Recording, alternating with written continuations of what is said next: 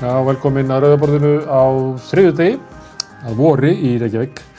Eh, við ætlum að ræða núna um svona breytingar sem eru í eh, efnaðsmálum í heiminum. Þegar stríð kemur í kjölfar faraldurs og til þess að, að hjálpa okkur til þess að, að, að skilja þetta aðeins betur, nabba ekki um svona ímsa þætti sem að hjálpa okkur til að skilja betur svona þær breytingar sem eru og munu einnkjana umræðina á næstu vikum og mánuðum og kannski missurum. Við fengið hérna góðan gest og fasta, gamla fasta gest Rauðabósins Ólaf Margesson sem er statur í Sviss að, að venju. Velkomin Ólafur. Takk fyrir það, Gunnar.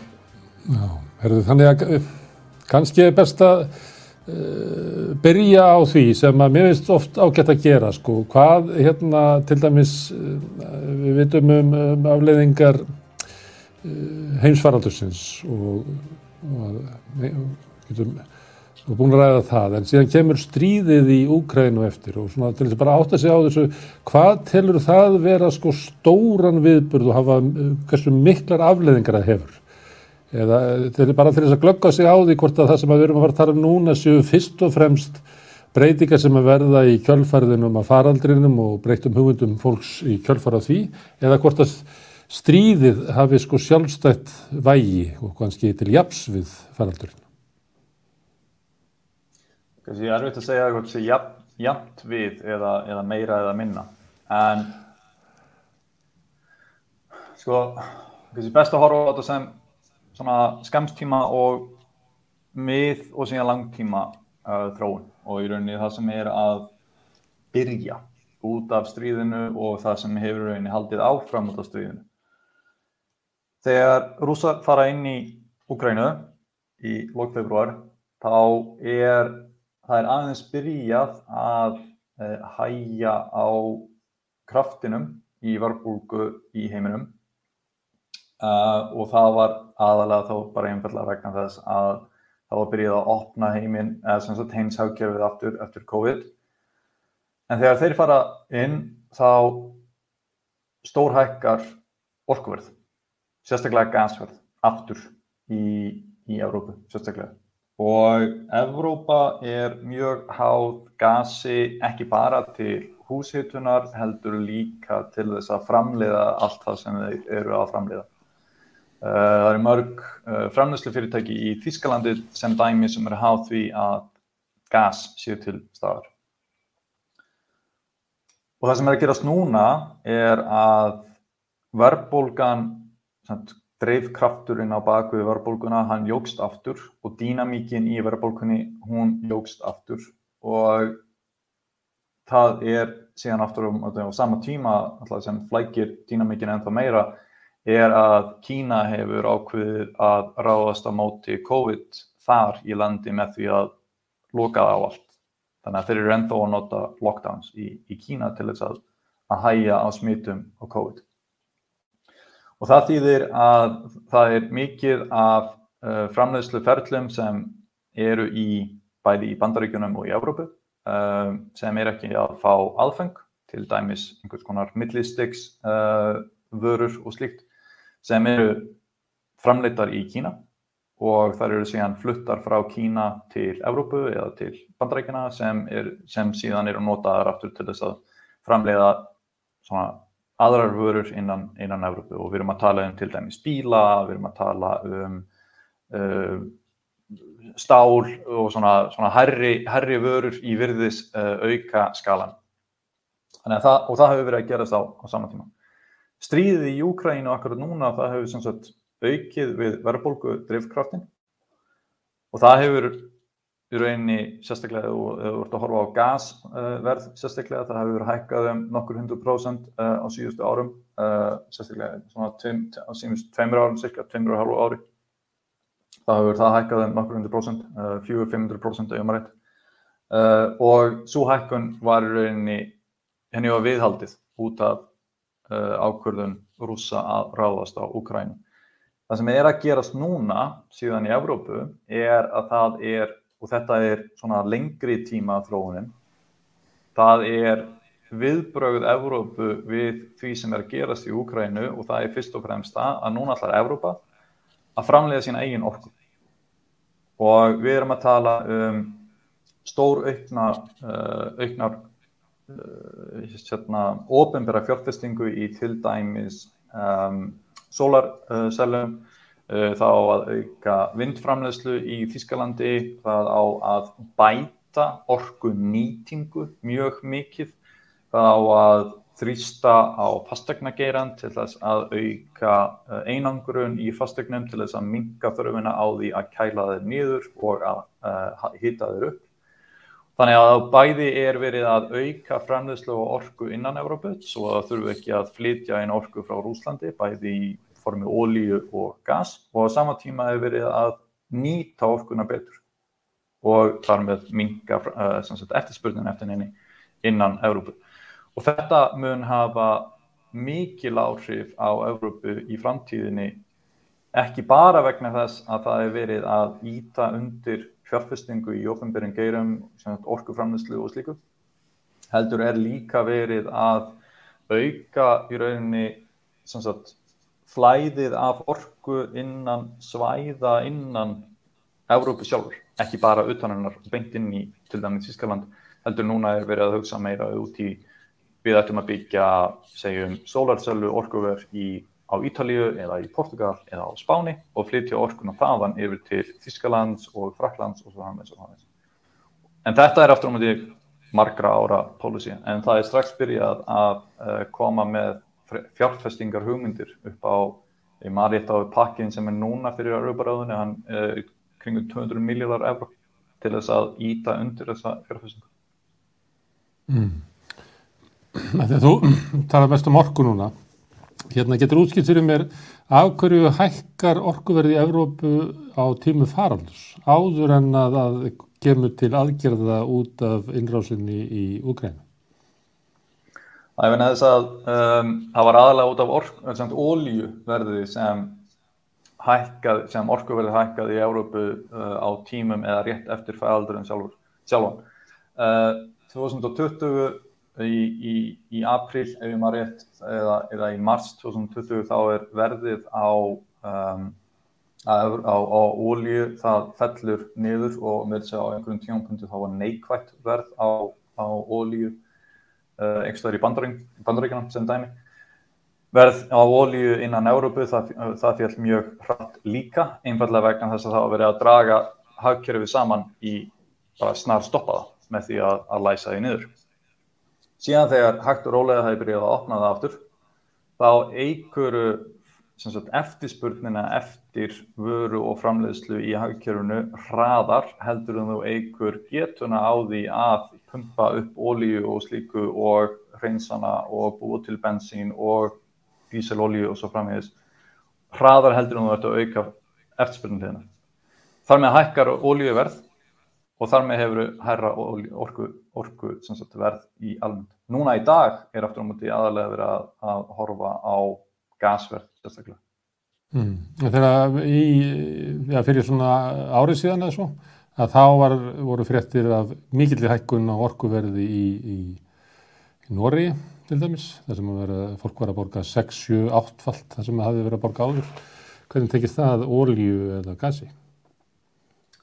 Uh, ég þekki ekki Noreg sérstaklega, uh, mér dettur í huga það einfallega, verið verið þess að uh, Noregur hann er tengdari inni í orku netið innan Európu og þar með hefur bara einfallega verið markast rýstingurinn á það að hækka orkuverðin innan Noregs líka á saman tíma og eins og orkuverður að hækka í verði í, innan, innan meginlands Európu. En ég þekki ekki nákvæmlega dýnamíkina í Noregi sérstaklega út af þessu. Já, menn þetta var komið fram Já, þetta var líka í Breitlandi þar sem var talað um að hækkun orkuverði væri eiginlega það sem að vera að geta helst upp kaupmátt fólks. Það eru frétti sem við vorum með kannski fyrir einu, einu og halva áru síðan. Það er áður en það kemur að stríðinu. Og það, það hefur haldið, hef haldið áfram síðan. Já, já. En að þú talar svolítið mikið um Evrópu, hérna staðan og efna Evrópu áður en að hinsfærður kemur og hvernig er Evrópa svona í stakkbúin að taka á þessum vanda sem að fylgir faraldri og, og e, orku hvað getur við kallað það, orku kreppu, orku áskorunum og afleðingum strísins? Uh, það var byrjað að hægjast á Evrópu, ekki bara á efnahag Evrópu fyrir 2020, sem fyrir COVID. Um, það var líka byrjað að hægjast á, á til dæmis bandaríkjunum og við þess á Íslandi líka. Þannig að COVID-rauninni bara einfallega kom því sérstaklega að það var, það var, það var punkturinn yfir íð sem bjóð til kreppuna sem líklega hefði eða allavega samdráttin, efnaðarsamdráttin sem hefðu líklega kortið er orðið árið 2020 þótt að COVID hefði ekki uh, átt sér stað.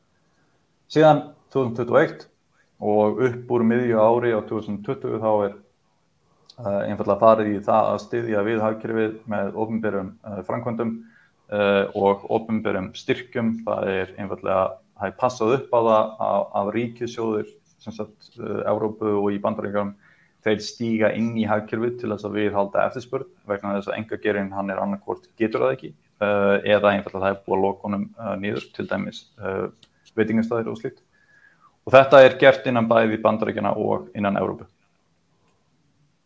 þegar og rétt áður en stríðið sem sagt brýst út uh, bara sem dæmi um Það var búist við cirka bát 4% hagvexti í Þískalandi árið 2022 í janúar 2022. Það er að segja í janúar 2022 voru spár markaðsæðilega þær að Þíski efnahagurinn Þíska hagkerfið myndi stækka um í kringum 4% uh, að raunverði árið 2022.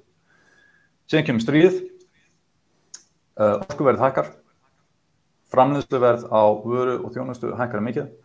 Uh, kostnaður við það að sagt, framleiða og, og, og við það að kaupa eitthvað hann hækkar og þar með dregur úr uh, framleyslunum sjálfur þannig að í dag er búist við því að Þískaland eða Þíski efnahagurinn hann stakki bara um 2% árið 2022 en ekki 4% þannig að augljóslega hefur stríðið í Evrópu í gegnum orkuverðið haft mikil áhrif á það hvernig dýnamíkin í efnahag Európu er að þróst. Hmm. Og hann er þá ennþá minni heldur en hann var fyrir COVID? Það svo Þískland? Uh, já, Þískaland er ennþá minna ef maður rétt en, en Európu hmm. svæðið í held það er búið að ná sagt, landsframniðsla í, í Európu svæðinu sem held og hún er komin aftur upp fyrir það sem maður var árið 2019 mm. Erðu, einkenni umræðina núna er svolítið verðbólka og þá er það spurningin sko, hvað svona verðbólka er þetta? Er þetta e, svona verðbólku skot sem er afleðing hækkunar vöruverðs vegna e, trublunar í aðfangakeðju sem að mun þá bara fjara út af sjálfum sér e, eða er þetta afleðing þess að það er búið að dæla óheirlugu fjö inn í hækjurinn. Þannig að eh, sem að til dæmis Gilvi Sóeka sagði, nei hérna Gilvi Magnússon sagði hérna að kannski ættum menna að fara að íhuga það að þessi taumlausa dæling peninga inn í hækjurinn alveg frá hruni og svo ennfrekar í COVID væru bara einfallega að kveikja upp verðbólguna. Uh, Magnbundin íhlutun hafði nokkur neginn engin áhrif á verðbólgu. Nokkur neginn engin. Þannig að það er rámt hjá gilvaflætsuðum að halda því fram að magnbundna íhlutunin frá 2010 eða 2009 hafi ítt verðbólgu upp.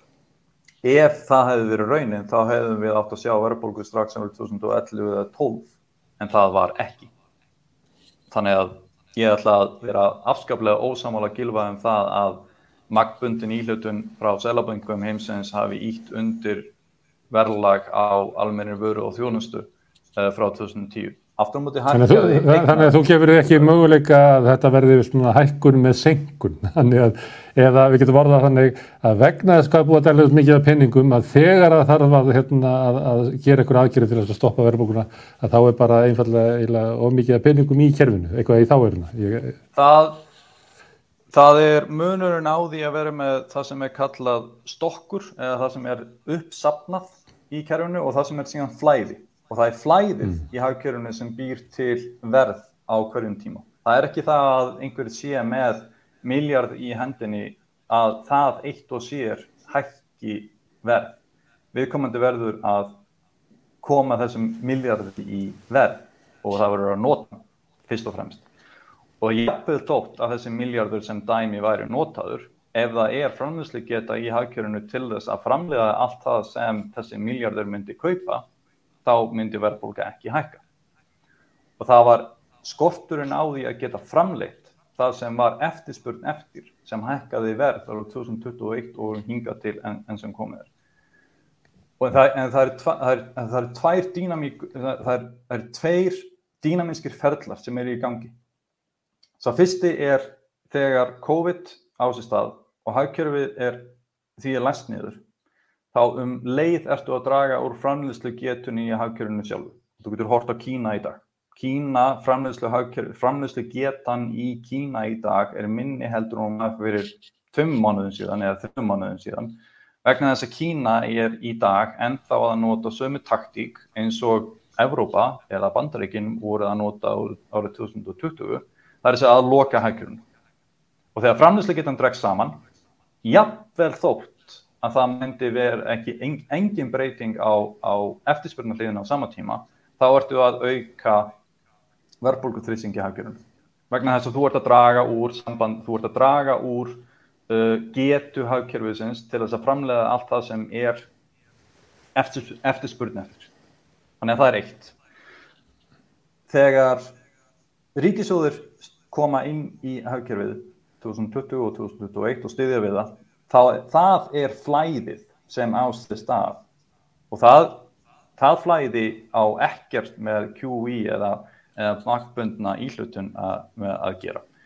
Það er flæðið sem kemur frá ríkisjóðum í formi þess að þeir eru með Halla á ríkisrækstri árið 2020 og 2021 sem ítir eftirspurnarliðin í hagkjörunu upp á sama tíma og það er búið að loka framleyslu getunni í hafkjörunu þannig að hún dregst saman og þar með ertu komið með eftirspurnarlið sem er herri heldur en framleysluhliðinu og þá ertu búin að búið til verðbólku. Síðan kemur stríðið og þá ertu búin að auka verðið á vöru sem er alltaf nöðsynleg til þess að framleiða hvað sem þú ert að framleiða í hvaða hafkjörunu sem er, sem er orka. Og sérstaklega innan Evrópu er þetta vandamál í dag. Og þá ertu búin að búa til dýnamík ofan á dýnamíkina sem var hægt og rólega að róast vegna þess að það var búið að opna hagkerfið aftur upp, upp í topp þannig að framleysli getan í hagkerfinu var aftur byrjuð að halda í við eftirspurnarliðina og þar með draga úr verðbrókutrýsingi. Síðan kemur stríðið, verða á, vöru, verða á orku hækkar og framleyslukostnaður á vöru og þjónustu hækkar mjög mikið. Og þegar fyrirtæki ákveða verð almennt þá setja þau einhvers konar uh, hagnaðar auka eða það sé álag ofan á framlýslikostnæðin en þegar framlýslikostnæðin er búin að hækka um kannski 30% eins og hann er búin að gera í Tískalandi yfir síðasta árið þá augljóslega hækkar einfallega verðið á vörunni þegar hann kemur út úr vestmiðinni og það er það sem er að gera þessu í dag. Vandamáli við þessu í dag er að það er skortur á framlýslugetu eða skortur á mikilvægri vöru sem þarf að vera til staðar orka í þessu tilviki til þess að geta haldið í við eftirspurnu hliðina. Og þú getur sagt annarkort að A, vandamálið í dag er vegna þess að framlýslugetan er ekkert staðar. B, þú getur sagt, ef þú vilt taka þann pólitiska pól í hæðina, vandamálið til staðar, staðar vegna þess að ríkisjóðir heimsins þjá ákveðið að við halda eftirspurnu hliðin í ákveðinu, eða C, blanda af A og B. Og í dag er vandamálið það að þú getur ekki ákveðið nákvæmlega hversu mikil ábyrð liggur hjá A eða B og það er það sem pólitíkin í dag er ræða um hvar í rauninni liggur raumurlegi þrýstingurinn á verðlag. Er það vegna þess að ríkisjóðir hlupu undir bakka til þess að við halda eftirspurtin í hagkjörunu eða er það vegna þess að framlýslu getan í hagkjörunu er að draga saman? Hmm. Þú nefnir tvö dæmi um uh, ástæða fyrir verðbolgu út í heimi, það er hérna mingandi framlýsaketta sem er, er ennþá virk í Kína, þannig að Það er einhver afleiðingar af því sem að íta upp í verði út um allan heim og svo stríðið sem að ítur upp orkuverði.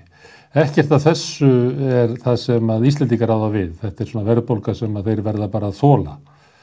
Uh, geta, er það að hækka vexti og grípa til slíkra aðgerða til þess að kæfa þessa verðbólku, að kæla niður íslenska hækkerfið til þess að koma í veg fyrir verðbólgu sem að kannski er innflutt?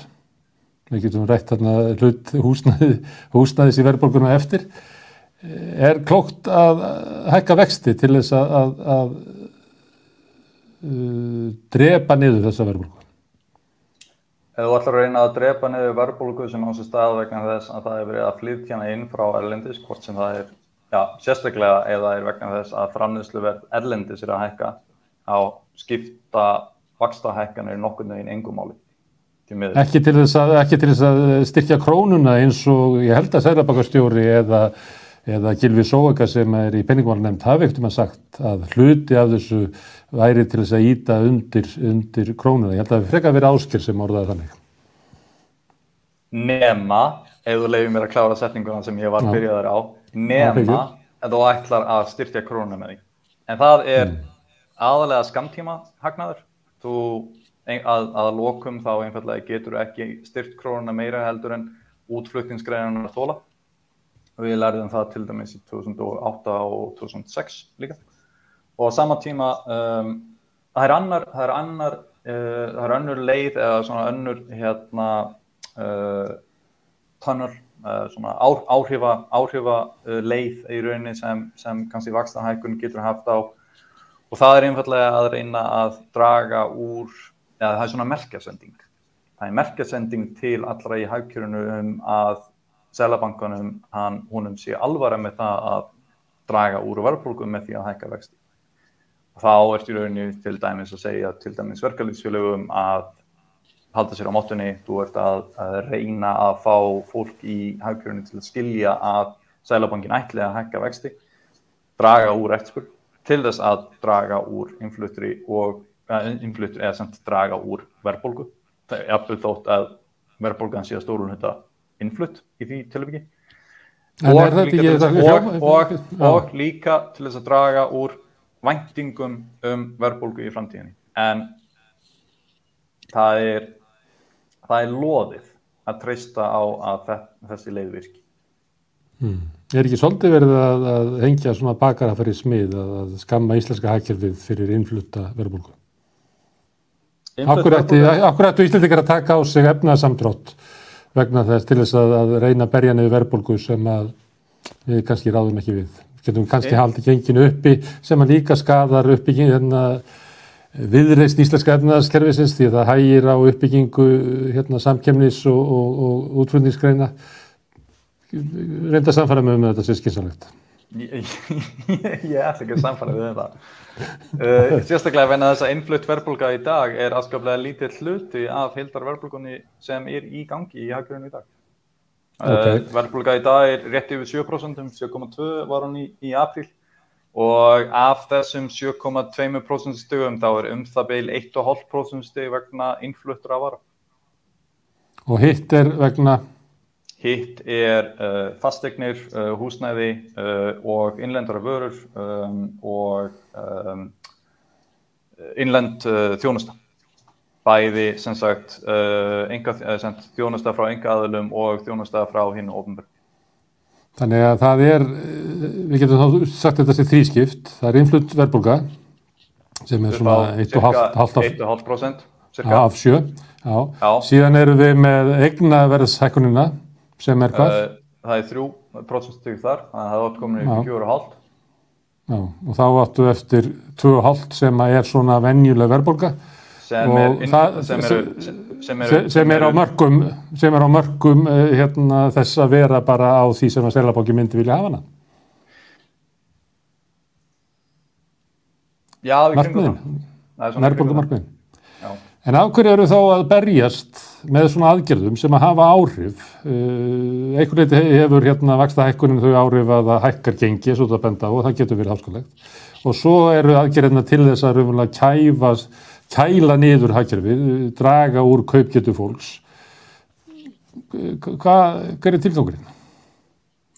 Til dæmis með því að hafa áhrif á eignaverð, það er að segja fasteignaverð.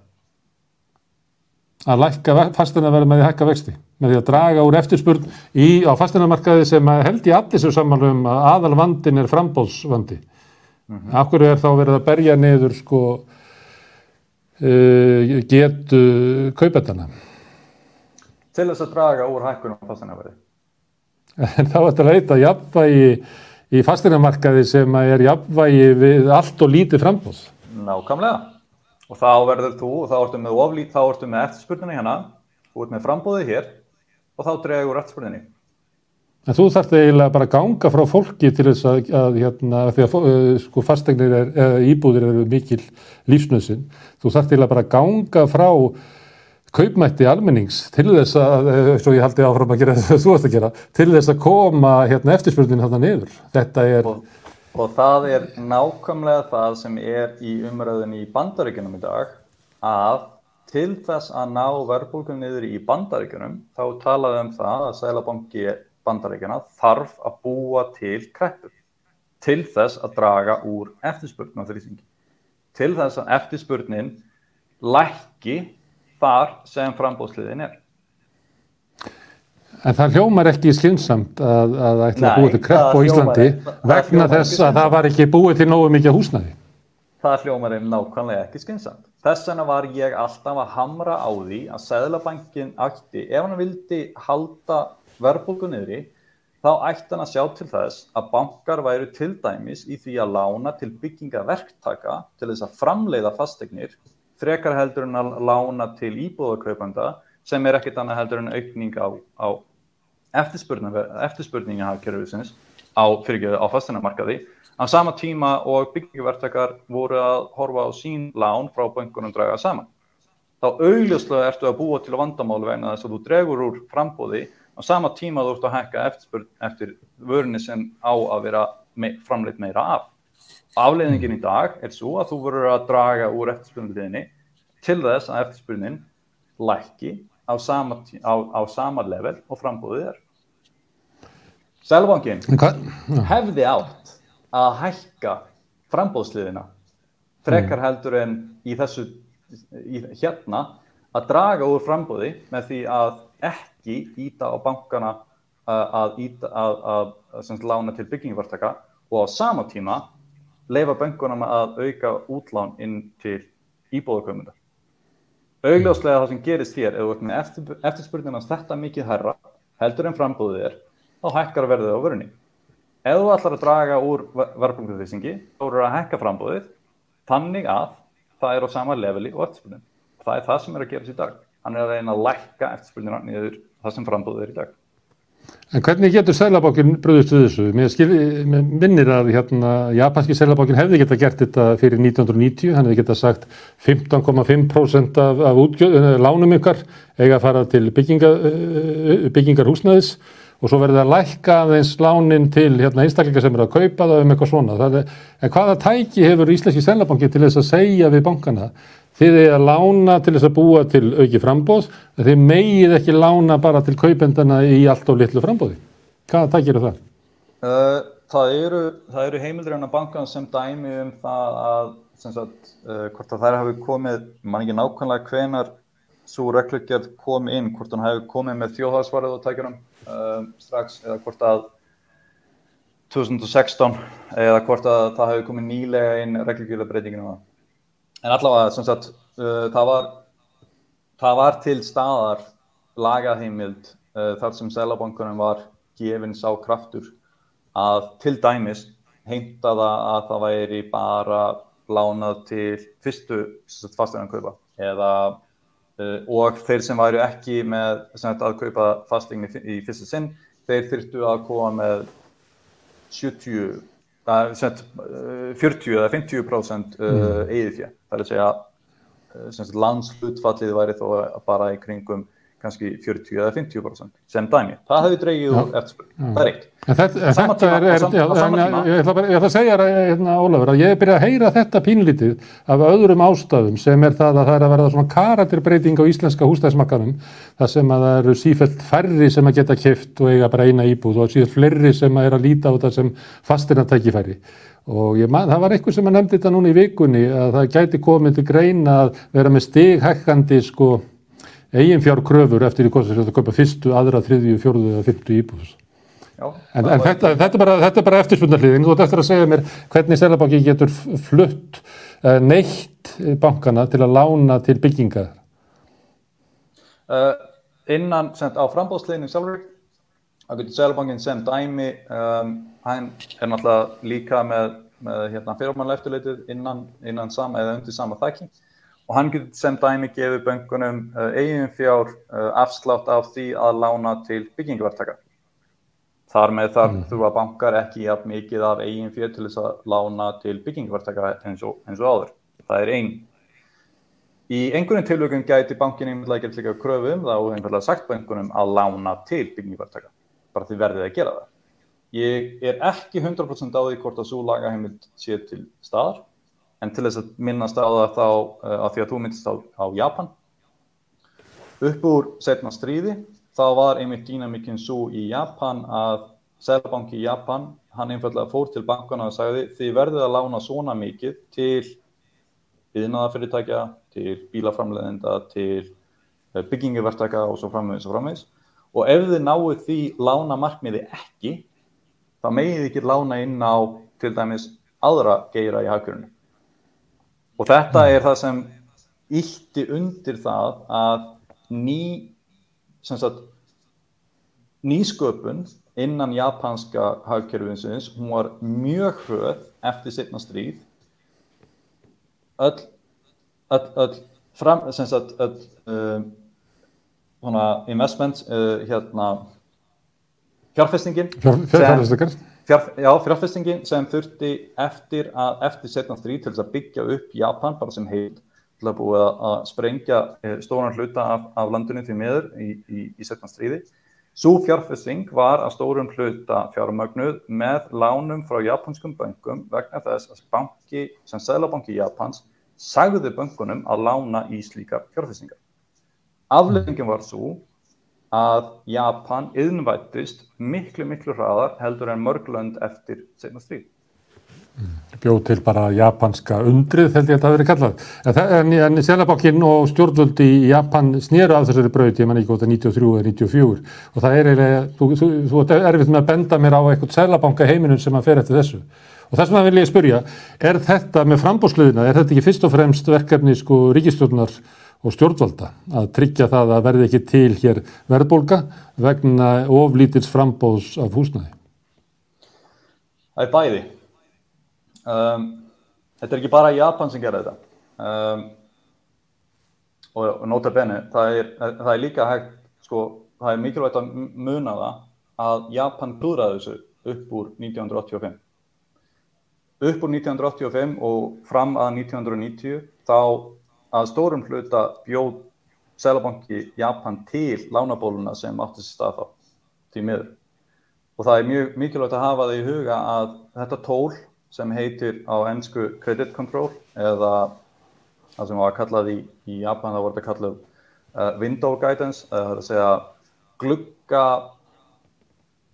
ja, skipun eiginlega og þetta var, glugg, þetta var, kall, þetta var, þetta var kallað glugga skipun eða window guidance vegna þess að Sælabanki Japans bókstallega sagði böngunum að koma til sín og í gegnum glugga í, á, á afgjörðislu borði uh, á, á, á jarðhæð í Bank of Japan, í Sælabanki Japans, að fekk hver og eitt banki einfallega skipanur um þennan mánuðið eigið þið að lána svona mikið inn, í, inn á hvert markað fyrir sig. Þið með velja fyrirtækin sem þið eigið að lána til innan hvers og eins geira en innan geirana verði að lána svona mikið og þetta var einhverja skipun sem var gefin út um glugga á Sælabanka Japans og þess vegna var þetta kallað window guidance uh, á ennsku og einhverjar á japansku líka. Það er aðri Sælabankar sem gerðu þetta. Um, Kína er að gera þetta í dag sem dæmi. Um, Thailand gerði þetta á, á sínum tíma, uh, Þískaland gerði þetta, uh, Frakland, uh, Bretar, Bandarækjumenn líka. En allt þetta er allt fortíð nefna Kína í þessu sem hún það telja upp. Þetta er að, gerði þetta, gerði þetta, það er bara Kína sem er að gera þetta. Allt saman í kringum uh, eða upp úr uh, setna stríði sérstaklega uh, og það var, það var mismunandi hversu alvarleg eða svona, hversu sterk skipunin var. Í, í Japan og í Kína í dag er skipunin mjög ströng, það er að segja að hún er, hún er það sem er kallað hörð sagt, guidance eða hörðskipun eða hörð stjórnun á, á, sagt, á lánum.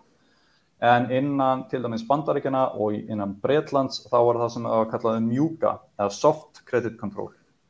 Og þá var sérstaklega að tala um svona það sem þá, þá, þá var tólið það að það var gefin afsláttur sem dæmi á um, eiginfjárkröfum ef þú varst að lána til uh, ákveðins geira og svo framins og það er dæmi eitthvað, það, það er dæmi sem Sælabanki Íslands getur gert í dag mm. En varðandi hvora að gera þetta ríkisvaldið eða, eða pólitíska valdið, ríkistjónin eh, eða Sælabankin eh, með að við okkar kerfi þá er eiginlega mætti segja sem svo að hússtæði stefna stjórnvalda hafi búið til helmikinn að þessari 7% verðbólku, 3,5%. Já, uh, það er alveg klart mál. Ég er alveg afskaplega mikið á móti sérregnastefninu á Íslandi og ég er alveg handvissum það að vegna sérregnastefninu á Íslandi þá er hluti af vandanum í dag einmitt þessi háa verðbólka í dag.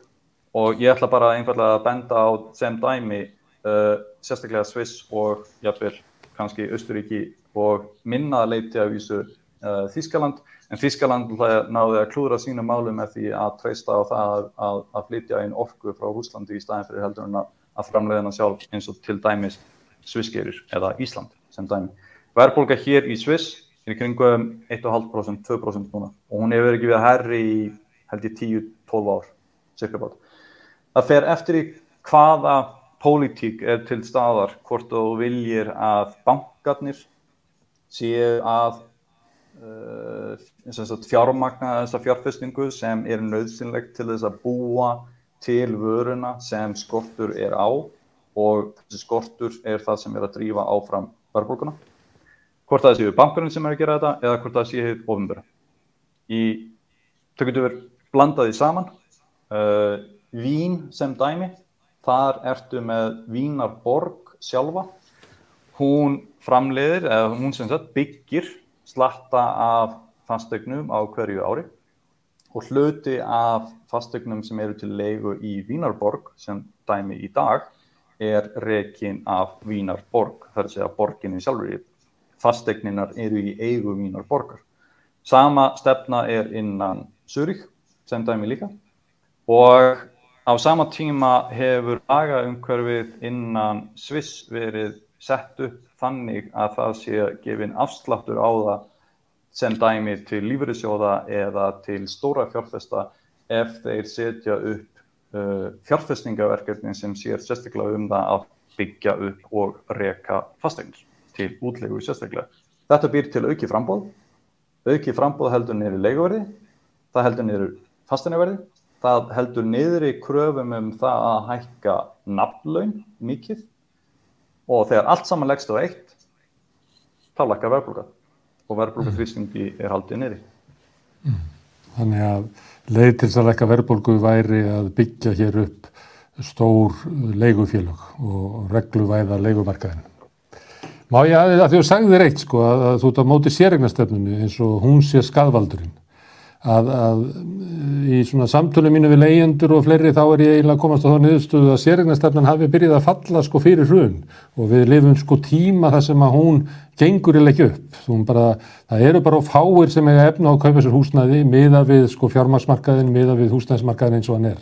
Og ég verði, það eru er, náttúrulega alltaf veikleiki allum upplýsingum því miður En það er ein, svona, eitt graf sem að maður getur lesið þetta svolítið út. Það er það sem að, að íbúðum er skipt eftir því hvort það sé lögæðili sem á fleirin eina íbúð, hvort það sé lögæðili sem á bara eina íbúð, hvort það sé einstaklingu sem á bara eina íbúð eða einstaklingu sem á margar íbúðir. Og ef maður tekur þessa einstaklingar sem eiga bara eina íbúð, sem er svona, myndum maður hjarta á æðakerfið í sérignakerfinu, að þú bara, hver fjölskyld á bara eina íbúð, að þá, um aldamótin þá voru þetta um 74% íbúða sem að voru í eigu eins, það er sérst eiguts sem áttu bara eina íbúð. Aukningin frá aldamótunum er þannig að, að, nýjar íbúðir, fjölgun íbúða, það er bara 46% sem að fara inn á þennan markað þess að inn á það að einn fjölskylda í það og sem að þýði það að það eru svona 14.500 íbúðir sem að ættu að vera í eigu eins ef að það verður saman hlutvöld og varum aldamótin sem að vantar inn í kerfið. Og það er að farið fyrst og fremst til, þeir, til eh, lögaðila sem eiga margar sem er þá líklega heimavellir og, og félagir en líka náttúrulega félagsbústæðir og kannski félagsstofnum stúdenta og svona. Það er svona galli í þessum uh, upplýsingum að það, þetta er ekki greint í sundur svona hvert eðli þessara lögaðila er og svo er það hérna 3000 íbúðir sem er aukning hjá þeim sem eiga fleiri en eina íbúð og því miður þá er ekki greint í sundur hvort það sé eitthvað sem á bara eina auka íbúð eða eitthvað sem á hundrað auka íbúðir. Þannig að ég er hægt að sjá að, að miða við núverðandi húsnæðistefnu, þótt hún sé sérregna stefna kannski í orðu hvernu, að þá er hún ekki að, að íta undir sérregn, heldur, er hún hægt og bítandi að íta undir svona að séu fleiri leigandur og fleiri sem eru inn á markaðnum sem eru að, að leia frá sér. Um, eftir þeirra skoðuna að ef það er, ef þú ert með Ég er, ég, er benda, ég, er bara, ég er bara að benda á að það er mismunur á því hvernig sko, stjórnvöld kynna hústæðstefnuna sem sérregnastefnu og það sem maður má lesa í tölunum, það sem er æfærri sem eiga raunverulega efni á að kaupa þessu húsnæði því að við vitum það, það er búið að spyrja leyendur hvort þeir vilji vera leyendur og 95% vilji það ekki, þannig að þeir eru raunverulega á leikumarkanum af einhverju neyð, þannig að það hefur komið ljós og þá er ég ekki að segja að það væri þannig ef við hefum skikkalega leikumarkað, heldur það er bara staðrætti sem er núna, að nú er þetta stefna, hún raunverulega ítir undir leiku án þess að viðkjöna það og án þess að, að fara að byggja upp eitthvað svona regluverk til þess að halda utanum en að mikla fjölda sem er í leikuhúsnæði. Af hverju er fastegna verið hatt á Íslandi? Það er vegna þess að frambóðir, stórun hluta er það vegna þess að frambóðir ekki nægilega mikið. Já, já, já, og því er líklega haldið bara í lágu, það er bara er margir sem græða því. Og af hverju er því haldið í lágu? Vegna þess að margir græða því. Já. Já, og já. hver, hver, ef þú ert að horfa á hlutfall þeirra á Íslandi sem búa í eigin fastegn, veistu hvert það hlutfall er? Það er í kringum 70-72%. Mm. Þessi 70-72% hafa pólitískan kvata og efnahagslegan kvata af því að íta undir það að frambóð af fastegnum sé látt. Vegna þess að ef frambóð af fastegnum er látt þá er meiri líkur á því að fastegnum verður hækki eða haldist hátt. Og það kemur þessu fólki til góða vegna þess að það á fastegn þá þegar. Það er svolítið fyndið að, og það er einmitt, einmitt svolítið, sko, það er skemmtilegt að einmitt að, að, að hérna, hlusta á það sem maður að segja. Sérregnastefnan hún hefur ítt undir það að fáir geta kipt sér húsnæði Já. og það er líklega rétt hjá þér vegna þess að frambóð er innan sérregnastefnus kerfis því er haldið niður í Ef þú ert með aftur á móti kerfi eins og hér í Sviss, það sem það er ítt undir það að lög aðilar geti komið inn á markaðinn til þess að byggja, til þess að auka frambóðið og þar með eftir búin að minga þrýstingin á það að fastegna verð hækki, þá eigur og líkunar á því að fólk geti kæft sér eigin fastegn. Já. En að augljóslega þá er það þannig að þeir sem eiga fastegn í dag, þeir vilja ekki að slikt kerfi séu tekið upp. Hmm. Það er allavega klárt að, að ef það var ekki sérregnastefna eftir stríð og kannski fram til 2000 að þá hefur það ekki verið raunin síðan því að svo stefna sem er ekki hún eigur ekki til uh, meiri sérregnar og það var ekki bara það að búið að henda út verkamannabústofunum sem var félagslegt sérregnarkerfi heldur er, hérna, er kerfið einfallega þannig að það eru bara færri og færri sem að geta keift sér sérregn og uh, stór hluti, þúsundir, tjúkþúsundir eru lokaðir inn á sko þessum leikumarkað sem er hér sem er mjög ólíkur því sem er í, er í Sviss. Má ég spyrja það því að því að ég veit að þú er mikið á ástæðsmálum. Hver er munur á íslensku leikumarkaði og leikumarkaðum í Sviss? Um, þú getur hækkað leiguna eins mikið þú vilt nokkur dvegin eða þú vilt leigu sali á Íslandi. Það eru einhver takmarkum það en það þau eru áskaplega lítil, þau eru veik. Um, það er minni réttur hjá leigjundum um það að vera í íbúðinni til lengri tíma eftir að það er búið að segja uh, leigunni upp. Það er svona stærstu uh, og, og uh, líka uh, leigusali, hann er ekki undir jafnmiklu þrýstingi og lagalega séð um það að laga íbúðina eins og er hér í Sviss. Stærstu munurinn og svona prinsipin sem er í gangi hér er að ef verðbólka hækkar þá máttu hækka sem leigusali, þá máttu hækka uh, leiguna um nokkurnu í verðbólgu en þó ekki í einu. Uh, ef vextir lækka, þá verður þú að lækka leiguna líka. Á sama tíma er það þannig að ef vextir hækka, þá máttu hækka leiguna líka. Og uh, það er ítt undir það hér með skattilegu hagraði sem dæmi líka að frambóð er það er ítt undir það að fólk komi inn á markaðin, inn á leikumarkaðin sem leigusalar og byggi til þess að leiða út frekar heldur en að kaupa eitt sem þá þegar er til staðar. Þetta er stæðstum munum.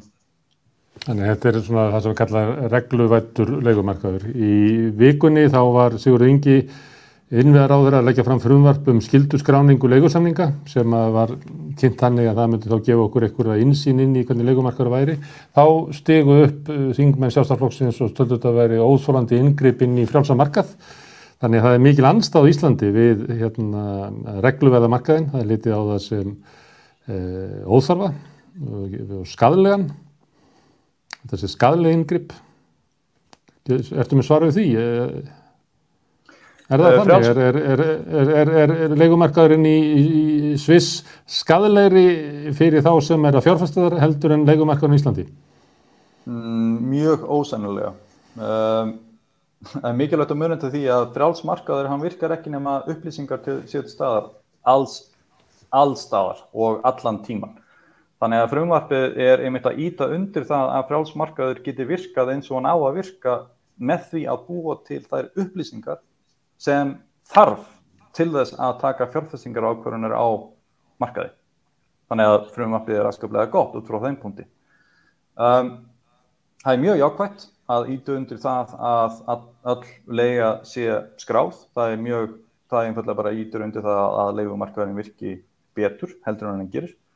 Uh, hér, eins og ég segi, það er, það er, það er bara það sem ég bent á áðan, það er skattalegt hægraðið um að sérstaklega að það sé ítt undir það og lífeyrisjóður, uh, tryggingafélag, líf tryggingafélag sérstaklega líka uh, eru að setja um það byrj 15 til 20% af sínum egnum í það að byggja fastegnir og eiga þeir til þess að leiða þeir út.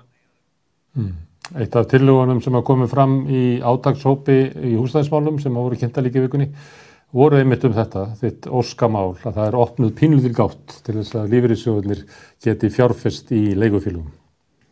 Já og það er einmitt, það er mikilvægt einmitt að koma því þannig að það sé ekki hægt að hækka leiguna eins og er hægt að gera í dag.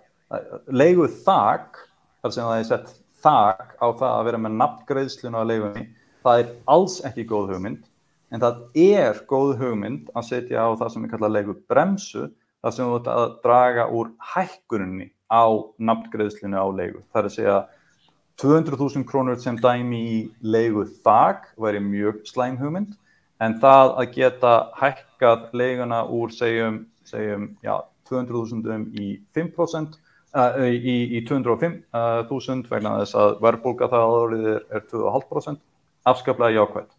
En á sama tíma verður að sjá til þess að leigan, hún geti ekki farið úr 200.000 í segjum 220.000 bara vegna þess að markaðsverð á slíkum á slíkri leigu hefur hækkað. Og þetta er prinsip eins og raunin hefur verið hér í tíu ár. punkturinn, dýnamíkin sem myndast úr þessu. Og þetta er, reglu, þetta er regluverkið eins og það er sett upp hér í Sviss. Dýnamíkin sem myndast úr þessu er að það er fullt af fólki sem vill þá vera á leikumarkaði til langstíma vegna þess að það getur séð fyrir sér á auðvöldan hátt hvernig leigan muni fróast og ef þú ert með góða sagt, spá eða bara einfallega loford um það hvernig þín leiga sem leiandi muni þróast þá eru hærri líkur á því að þú, ert, þú, þú sért sáttur við það að vera á leikumarkaði og það er það sem er að gerast hér þá ertu búin að búa til langtíma eftirspurn eftir því að vera á leikumarkaði og það er þessi langtíma eftirspurn sem frambóðsliðin hér í Sviss er að mæta. Frambóðsliðin á Íslandi er ekki að mæta langtíma viljanum til þess að vera á leikumarkaði vegna þess að langtíma viljin til að vera á leikumarkaði er ekki til. Og það er það sem takmarkanir á hækkunum á leigu býr til. Á sama tíma að þegar þú ert ekki með leigu þak þá ertu búin að búa til vilja hjá frambóðsliðinni lífverðisjóðum, stórum yngaðilum, líftrengingafélögum og svo framvegis til þess að byggja til að leia vegna þess að í framtíðinni geta slíkir aðilar verið vissur um það að þegar rekstra kostnæðurinn á fannstegnum fyrir upp til dæmis vegna þess að verðbólka er að hækka, þá geta slíkir aðilar hækka leiguna til þess að borga hinn herri, hin, hin herri rekstrakostna og þá ertu búin að búið til frambúðu líka. En Óláður, hérna, í, í, í tengslu við lífskjærasamlingana þá lofaði ríkistjórnin leigubremsu og bjóð síðan til frumvarp sem var með ótrúlega degri bremsu, það er að hérna, maður hefði notað hana svona aftur í söguna þá var það, var það bara hafa hækkanir undanfæri frá hruni verið innan þeirra bremsu sem átt að setja. En það frumvarp var ekki sambyggt meðan það er svona vannstöðu held í fyrst og fremst uh, sjálfstaflóksins en þessi leigubremsan er ekki í nýju tillögum hérna átagsflóksins þannig að hún er dottin út.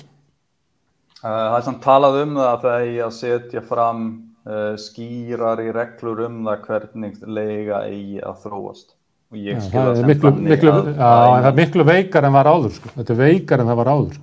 Hún, þau, þau eru að bakka út með leigubremsum það er bara þannig. En það sem ég var að benda á að, að hérna, þú hefur verið mikil þar sem að þess að lífeyriðsjóðunir hérna, e, fjárfæsti beint í, í leigufélum en það er opnað fyrir það þarna í tilógunum mm -hmm. og það er bara aðskilvæði jákvæmt þetta er, þetta er félag uh, blær sem byggir bókstaflega til þess að leia út og það er mm. það sem vandar mm. það þarf að fjármagna félag sem byggir til þess að leia út slíkt félag, jafnvel þótt að slíkt félag væri bara innan gesalappa að hækka leigu í samræmi við dæmis verðbólgu eða verðbólgu með einhverju töf eða einhverju slíku þetta félag myndi sjá til þess að verðtryggðar skuldbindingar lífriðsjóða þarna væri búið að finna eign sem er að hækka í samræmi við slíkar skuldbindingar. Og lífriðsjóðinir þurfu ekki að gera annað heldur en að byggja til þess að leia til þess að finna eign sem þeir eru alltaf að leita að sem er verðtrygg á sama tíma og þeirra skuldbindingar. Mm. En það er svona náttúrlugur aðili til þess að leysa frambúsliðin á húsnæðismarkaði. Það er sá aðili sem hefur langmestu hagsmunna til þess að gera það og, augljós, og augljóslega aðalinn sem er með slíkar skuldbindningar sem er að leita að slíkum eign er, mm. og langtíma skuldbindningar líka sem á sama tíma uh, væri mætt með því að kaupa langtíma eignir, það er að segja fasteignir mm. Herðu, okkur við spáðum gaman að tala um hússtæðismál en ég ætlaði að fara aðeins svona uh, víðar við vorum, byrjuðum á stríðinu og, og, og hérna eftir uh, leik uh, faraldursins. Uh, sumir hafa komið hingað, meðan annars Gilvi Sóeka, nú vitna ég hann í þetta sinn, hann sagði að þetta gæti haft, ástæði sem er núna, gæti verið svona varanleg afturför í allsjóðafæðingu. Hún erði ekki söm og hann, það var svona beigur í honum, hann talaði um sko að Íslandi grættu að velja sér svona hvað þeir ætla að vera í heiminum og horfa meira til Evrópu, að, að, að það var í svo mikill svona uh, ástætti sem væri núna, uh, bendi til þess að þessi allsjóðaveng sem hafði verið áður með þessum virðiskæðjum, nei hérna uh, ráefniskæðjum og aðfangakæðjum út um allan heim, að þetta bara gengi ekki, þannig að að við þessuna og það myndi hafa þær afleðingar að hvert svæði myndi hérna reyna að vera sjálfstæðara og við þurftum að velja okkur svæði. Hvað heldur þú að, að við sem að lifa svona mikil strömmkvörf í uh, efnaðaskerfi heimsins? Það var strax árið 2017 eða 16 eða svo þar sem þá verið að draga, þá, þá byrjaði að draga úr um, alþjóðlegum uh, flutningum eða alþjóðlegum viðskiptum á vöru og þjónustu um, sem hlutfall af heimshækjurinu. Uh, síðan 2017 eða 16 ef ég maður rétt, þá hefur þetta hlutfall, það hefur svona rokkað og frekar heldur en ekki það hefur lækað. Það hefur svona leiknin hefur verið nýðauð. COVID, eins og svo margt annað, ítt heldur þetta Uh, og í dag sem dæmi, og þetta er alveg rétt hjá Gilva, í dag er augljóst að það eru mörg fyrirtæki bæði í bandarækjunum og í Evrópu sem eru að leita eftir því að geta kattað á bæði Rúsland, augljóslega, og Kína út úr sínum aðfangakefin. Og það þarf ekki að ræða um ástæðana af hverju það hefur verið að katta á Rúsland, ástæðan fyrir af hverju það hefur verið að katta á Kína er meðal annars svo að þeir hafa nálgast það hvernig þeir eru að díla við uh, COVID á annan hátt heldur en Európa og Bandaríkinni þar sem það er frekar sagt, lokað á að framleiða eitthvað, hagkerfinu er skellt í lás, frekar heldur en að bólusetja og síðan opna hagkerfu upp á nýtt. Og það sem þetta gerist, ef þú ert fyrirtæki, nefn þetta gerist og, og þú ert fyrirtæki í Fraklandi eða á Breitlandi eða Noregi eða á Íslandi sem dæmi, þá þarf þú að býða lengur eftir því að fá vöruna sem þú ert að býða eftir frá Kína til þess að geta framleitt það sem þú vilt framleiða. Og þá er einfallega betra að finna vöruna innan Evrópu sem dæmi mm. eða frá bandaríkjum og svo framvegs. Mm. Og þetta er hluti af því af hverju það er verið að breyta aðfangarkefum út um allan heim í dag. Mm. Eldur Ólafsson sem er verkfræðingur og regur og á hluti í gullnámu sem er ekki komind í, í virkni í, í Grænlandi. Hann hefur sagt þetta líka og hann bendur alltaf á að hann sem er fjárháslega hagsmunni í þessari námu því að það sem hann er að bóða er það að, að menn eigi að leita málmum inn á sínu svæði og þar með er líklega Grænland þar inni. Hann hefur alltaf þennan varna glá að menn með að tólka það sem hann er að segja sem svona að, að beina aðtikli fólks að, að námunans. En hann segir að þessi tími þar sem við gátum lifa við ódýraföru og ódýrháefni sem að voru flutt langt að uh, lifað raunverulega að fengja ódýraföru vegna lára launa sem að framlega, fólki sem framleiti þetta fekk annar staðar eða með ráefni sem að voru svona auðlita rænt í Afríku þar sem að spilt stjórnul tóku bara pínlítinn hlut og við fenguðum umvöla þarlegandi á miklu lægra verði heldur en ef að þarna hefði efnaðskerfi fyrirlagi. Þessi tími er bara liðin, þannig að við hefum farið að horfa á það, það verður, allt verður miklu dýrara. Það verður allt miklu dýrara þegar þetta horftir lengri tíma. Hvað segir um svona, svona framtíða sína? Ég held að dýnimikinn sé augljóslega svo að einmitt verðbólka hún verði erfiðari næstu tíu ár heldur hún hefur verið síðustu tíu ár og það er og, ja, síðustu 20 ár sem dæmi um, það er alltaf verið að tala um 1970 núna og 8. áratvín um, mm.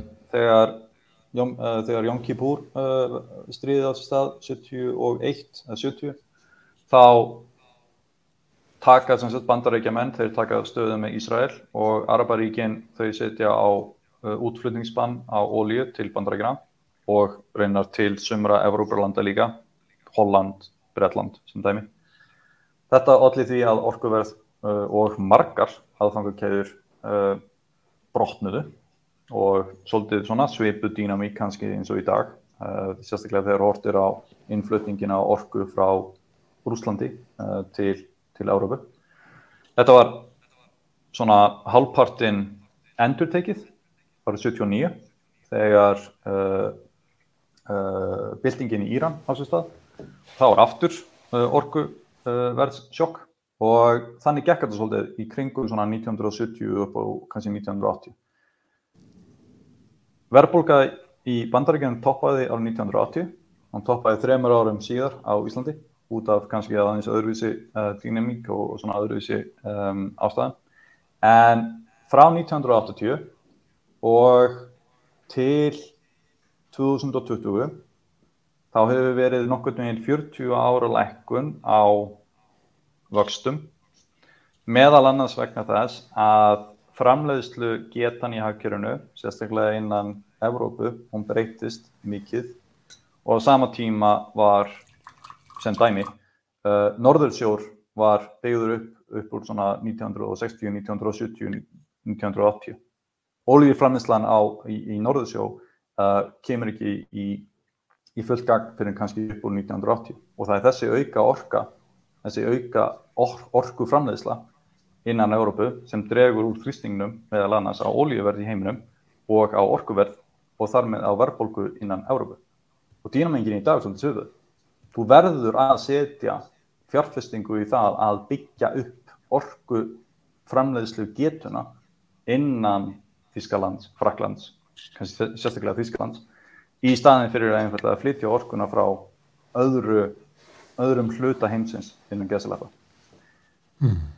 Og þetta í dag er hluti af því, en sem sagt á sama tíma er þetta líka, sko, Kína fer inn í, inn í hérna, uh, WTO, uh, heims uh, Trade Organization, World Trade Organization, 2001 ef ég maður rétt og þessi 20 ár nokkurnu einn íttu undir það að það væri já, 7 til 800 uh, og náttúrulega með öðrum löndum líka var stór hluti að það var mikil aukning af vinnuafli í heiminum sem var þá til staðar fyrir Európu og Bandaríkinn. Þetta var nýtt einmitt eins og þú segir með ódýru vinnuafli. Í dag eru laun í Kína um það byrjum þrefalt herri heldur en þau voru fyrir uh, 15 árum síðan um það byrjum og bara þessi launahækkun ítur undir það að í framleiðsla í dag hún er enn frekar dregin frá Kína til Evrópu aftur. Og þá er eftir að hækka framleiðskostnaðin og þá er þetta að hækka verðið á vörum. Og þá myndu enda á því að þú hækkar vexti líka vegna þess að selabankar heimsins í dag. Þeir bræðast við verðbólgu í dag með því að hækka vexti. Hmm. Ok, þannig að það er svona samljómur með gilva eldi og, og þér. Norður sjórin er þá líklega eins og vitni í það sem þetta séu uppæði að það verður sólar raflöðu orkuver á háslettum spánar sem er lausnin fyrir hérna, orkukreppunni í Evrópu. En hérna Já, en uh, Gilvi var eiginlega á því að við ættum bara að gangi í Európa-sambandið. Þetta væri tími þar sem við ættum að velja okkur stöðu. Gangi í Európa-sambandið, ég man ekki hvort að sagði takk upp Evru. Uh, er betra að vera inn í Európa-sambandinu með Evru í, í svona umbreytingatíma eða er betra að ráða yfir eigin mynd? Ég sagði einu sinni við, uh, og ég hef sagt við marga í mörg ár, um, ég er náttúrulega að hagnast mikið á því að Ísland er í EFTA. Það er þökk EFTA þá get ég búið í Sviss. Alþjóðavæðingin hefur verið afskaplega jákvæð fyrir mig. Og út frá þeim punkti og einfallega að sjá hversu margir möguleikar það eru fyrir Íslandinga að stunda viðskipti innan Evrópu sérstaklega, þá augljóslega er ég klindur því að það sé tekið náið samband og sambandið því sé haldið nánu við Európu og Bandaríkinn líka.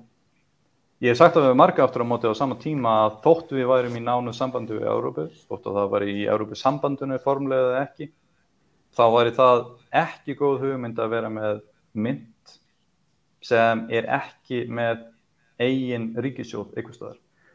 Ef Evrópa væri með sameiginlega ríkisframlastefnu, þá væri það allt annað mál þá er hægt að ræða það hvort að sé skynsalegt fyrir Íslandinga að vera með efru eða ekki. En meðan þessi sameinlega ríkisfjármálastefna er ekkert staðar þá er alltaf brotalöfum í því að Európa geti hratt og þægilega innan geðsalappa á pólitískan máta ítt undir það að koma í vekk fyrir kreppu í einu landi með því að íta undir þá ríkisfjármálastefnu frá hinnum sameiginlega uh, ríkissjóði Evrópu. Að meðan þessi sameiginlega ríkissjóður er ekkert staðar þá er þessi dempari ekkert staðar. Þar með ertu búin að, að hækka verðið. Þá, þá ertu, þú ertu búin að, að, að sagt, auka hlutfaldslega ábata af því að vera með eigin mynd. Mm.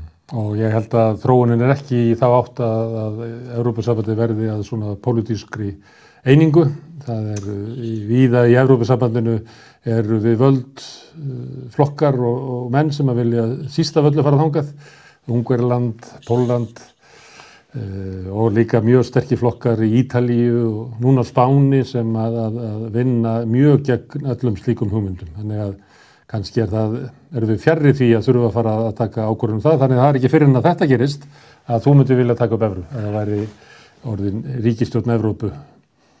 Blessunulega, blessunulega er Evrópa nær þessum sameinlega ríkisjóði í dag heldur hún og var fyrir þó ekki nema þrefum mánuðum síðan.